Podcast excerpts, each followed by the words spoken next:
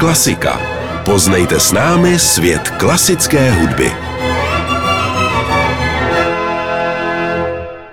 Tento pořad vám přináší Dino Schools of Prague, první soukromá škola s oceněním za výuku etiky, která u svých žáků klade důraz na samostatné tvůrčí myšlení a rozvoj osobnosti. www.dinoskola.cz Sponzor pořadu.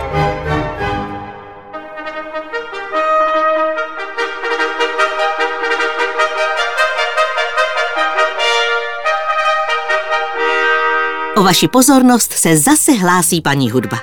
Minule jsme společně v její říši navštívili operní představení. Jak už víme, děj příběhu se v opeře nevypráví slovy, ale hudbou. Zpěvem za doprovodu orchestru.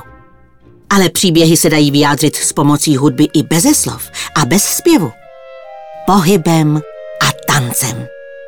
A tak vás dnes zvu znovu do divadla. Tentokrát na představení baletní. Balet byl součástí divadelních a operních představení už od doby baroka. Na scéně se objevovali tanečníci v kostýmech a jejich vystoupení od sebe oddělovala jednotlivé scény. A nemuseli to být zdaleka jen tanečníci. Třeba v opeře italského skladatele Amilcare Ponchielliho Gioconda tancují na scéně hodiny. Slyšíte, jak se přitom cinkají do rytmu?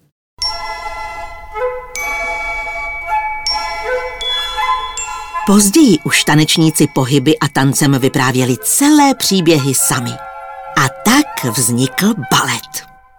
Baletní představení, podobně jako opera, zpracovává nějaký příběh, děj. Libretista napíše libreto, tedy úlohy pro jednotlivé postavy i zápletku příběhu. No a hudební skladatel k baletu napíše hudbu, na kterou budou tancovat solisté i celý baletní soubor. A pak baletní mistr vymyslí choreografii. Určí solistům i baletnímu souboru, kdy a jak se mají po jevišti pohybovat. Odkud kam tančit, kam s rukama i nohama. Tak, aby to spolu s výrazem v obličeji vyjadřovalo to, co si jejich postava myslí a co cítí. Aby bylo z hudby a stance jasné, co se právě děje. Teď proti sobě stojí dvě skupinky mladých bojovníků ozbrojených šavlemi. A pěkně to mezi nimi jiskří.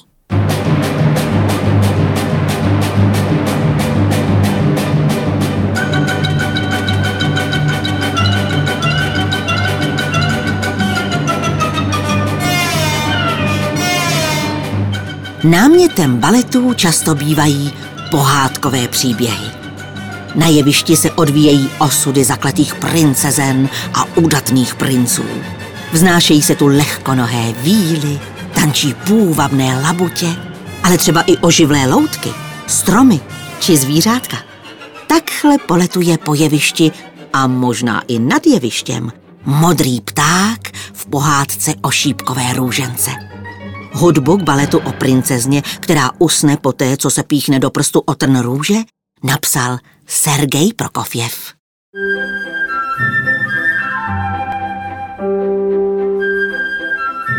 Jak známo, spící krasavici, šípkovou růženku, musí probudit a ze zakletí vysvobodit statečný princ.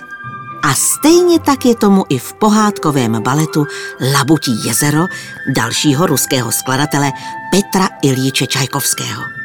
Hodnou princeznu Odetu zlý čaroděj Rudovous promění v labuť. A teprve princ ji svou láskou dokáže ze zakletí vysvobodit.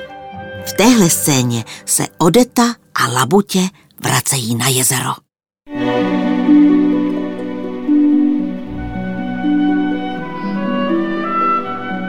Balet je krásná podívaná. Kromě půvabných tanečnic a urostlých tanečníků v krásných kostýmech jsou na jevišti také malované dekorace. Dokreslují prostředí, kde se příběh odehrává. Součástí baletního představení bývají také často složité a krásné efekty. To se labuť snese od stropu, to víla naopak vzlétne, na jevišti se může objevit blesk, hrom, ale může tu stát třeba i větrný mlín nebo perníková chaloupka.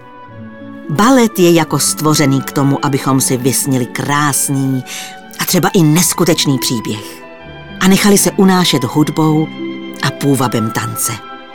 Ale nemyslete si, to, co vypadá jako lehonké poletování po jevišti, všechny ty výskoky, otočky a piruety, to je ve skutečnosti pěkná dřina.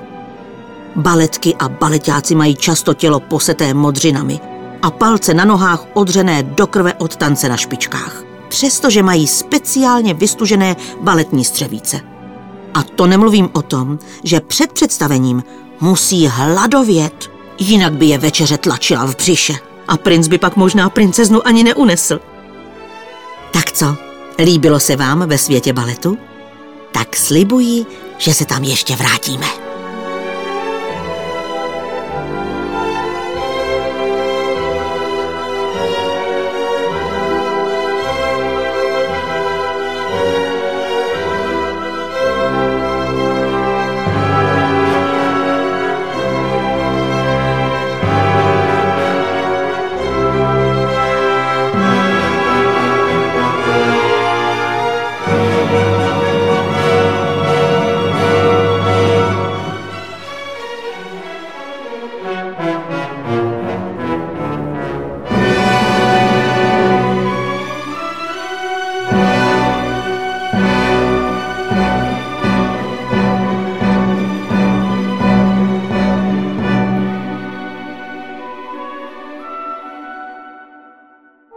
Tento pořad vám přináší Dino Schools of Prague, první soukromá škola s oceněním za výuku etiky, která u svých žáků klade důraz na samostatné tvůrčí myšlení a rozvoj osobnosti. www.dinoskola.cz Sponzor pořadu.